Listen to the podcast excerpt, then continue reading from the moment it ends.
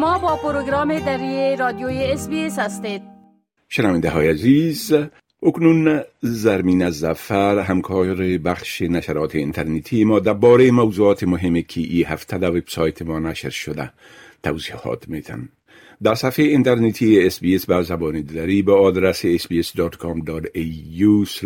دری هر روز مطالب جالب و دانستنی درباره تازه ترین رویدادها و تحولات در بخش های اجتماعی، سیاسی، اقتصادی و فرهنگی نشر میشه.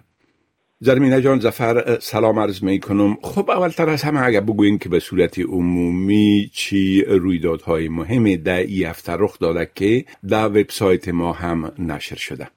سلام خدمت شما و شنونده های رادیو دری SBS در هفته ما گزارش های مختلف را به نشر رساندیم که از جمله خبر درگذشت ملکه الیزابت دوم در سن 96 سالگی بود که پسر بزرگ ملکه چارلز اکنون پادشاه بریتانیا و چهارده قلمرو مختلف که استرالیا از جمله از او است شدند. و خبر مرگشان کاخ بکینگام اعلام کرد و گفت که ملکه الیزابت دوم در خانهش در اسکاتلند درگذشته و ما خبر دیگه که به نشر رساندیم افزایش کمک های دولتی به افراد متقاعد افراد دارای معلولیت و افرادی که براقبت های جدی از بیماران و بزرگسالان می‌کنن و همچنان مادرانی که از اطفال خود نگهباری می‌کنن داشتیم و بانک مرکزی استرالیا نرخ سود را به دو اشاریه سی و پنج درصد افزایش داده که در اواخر صفر اشاریه پنج فیصد نرخ سود بیشتر کردن ساکنین سیدنی به خاطر کشته شدن پنج نوجوان در یک حادثه ترافیکی بسیار زیاد اندوهگین و ازادار شدند.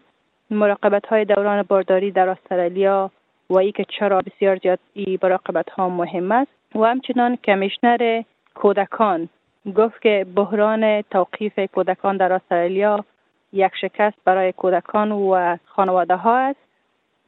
و این خبر داشتیم به خاطر دو خانم که در ایران به خاطر حقوق همجنسگرایان مبارزه می‌کردن توسط دولت ایران بازداشت شدن و به اعدام محکوم شدن و میلیون ها استرالیایی به زودی دواهای تجویز شده توسط نسخه دکتر را به بسیار ارزانی به دست خواهد آوردن و افغان های جسور بعضی از مکتب های دخترانه را بدون موافقت طالبان بازگشایی کردند.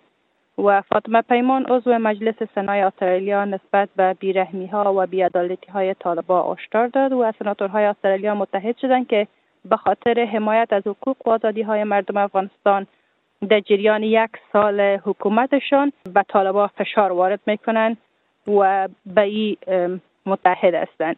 و استرالیا دو میلیون دلار به خاطر سیلاب زده های پاکستان کمک کرد که این از طریق WFP یا سازمان غذایی جهان به پاکستان کمک می‌کنند. مردم پاکستان به خاطر زنده ماندن از بحران سیلاب بسیار جد تلاش می‌کنند مطلب دیگی ما بود و مطلب دیگی که حکومت استرالیا ممکن است بر افزایش حداقل معاش برای مهاجرین که مهاجرین ماهر است کارا را می‌فهمند و ویزه موقت دارن غور می‌کنن و حکومت فدرالی گفته که ما بسیار زیاد به کمبود افراد ماهر مواجه هستیم به این خاطر ما باید به خاطر ویزای کسایی که ویزی موقت دارن و کار یاد دارن ما باید غور کنیم.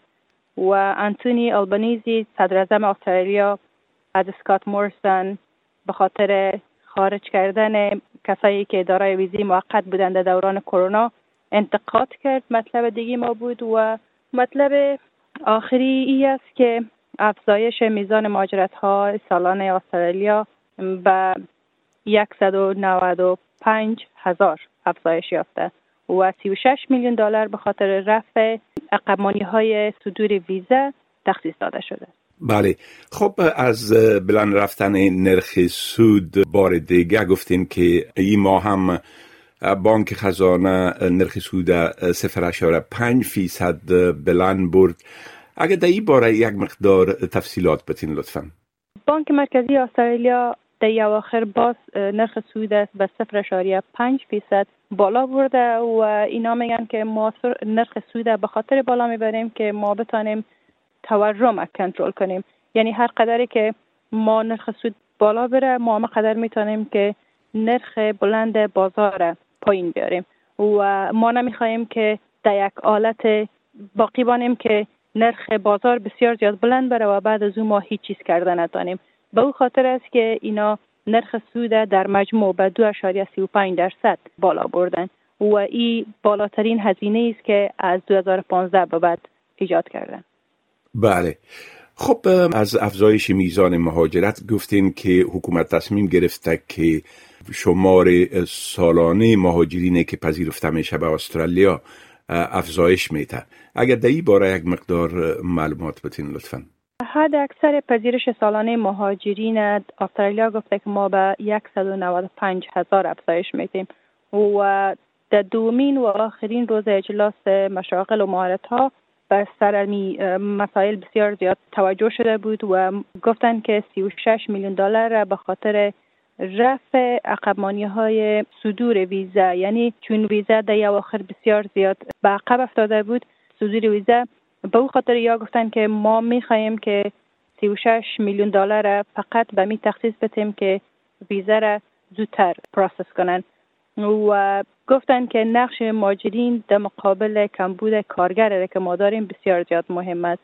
و کلیر اونیل وزیر امور داخلی استرالیا گفت که حکومت استرالیا 35 هزار نفر را به مقدار پذیرش مجموعی سالانه که 160 هزار بوده اضافه کرده. و خانم اولین در روز دوم اجلاس مشاغل و مهارت ها گفت که من می‌خوایم تاکید کنم که یکی از اولویت های به کارگر دوری جستن از ویزاهای کوتاه مدت است و تمرکز به ویزاهای دائمی و ملت سازی است به خاطر ای که ما هر قدری که به ویزاهای کوتاه مدت تمرکز کنیم به قدر وقت خود ضایع می‌کنیم. چون ای بسیار زیاد وقت ضایع کردن است که ما یک نفر از خارج از استرالیا بیاریم او را ترین کنیم در مدت سالها او را ترین بتیم و بعد از او پس به او بگیم تو برو.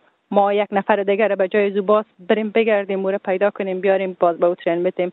به خاطر از که ما از تمام این مشکلات دور باشیم ما کوشش می‌کنیم که کارگران ماهر بیس شهروند دائمی بپذیریم.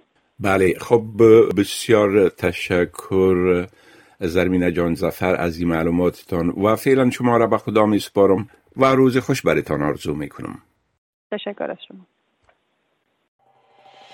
می خواهید این گونه گزارش ها را بیشتر بشنوید؟ با این گزارشات از طریق Apple Podcast، Google Podcast، Spotify و یا هر جایی که پادکاستتان را می گیرید گوش دهید.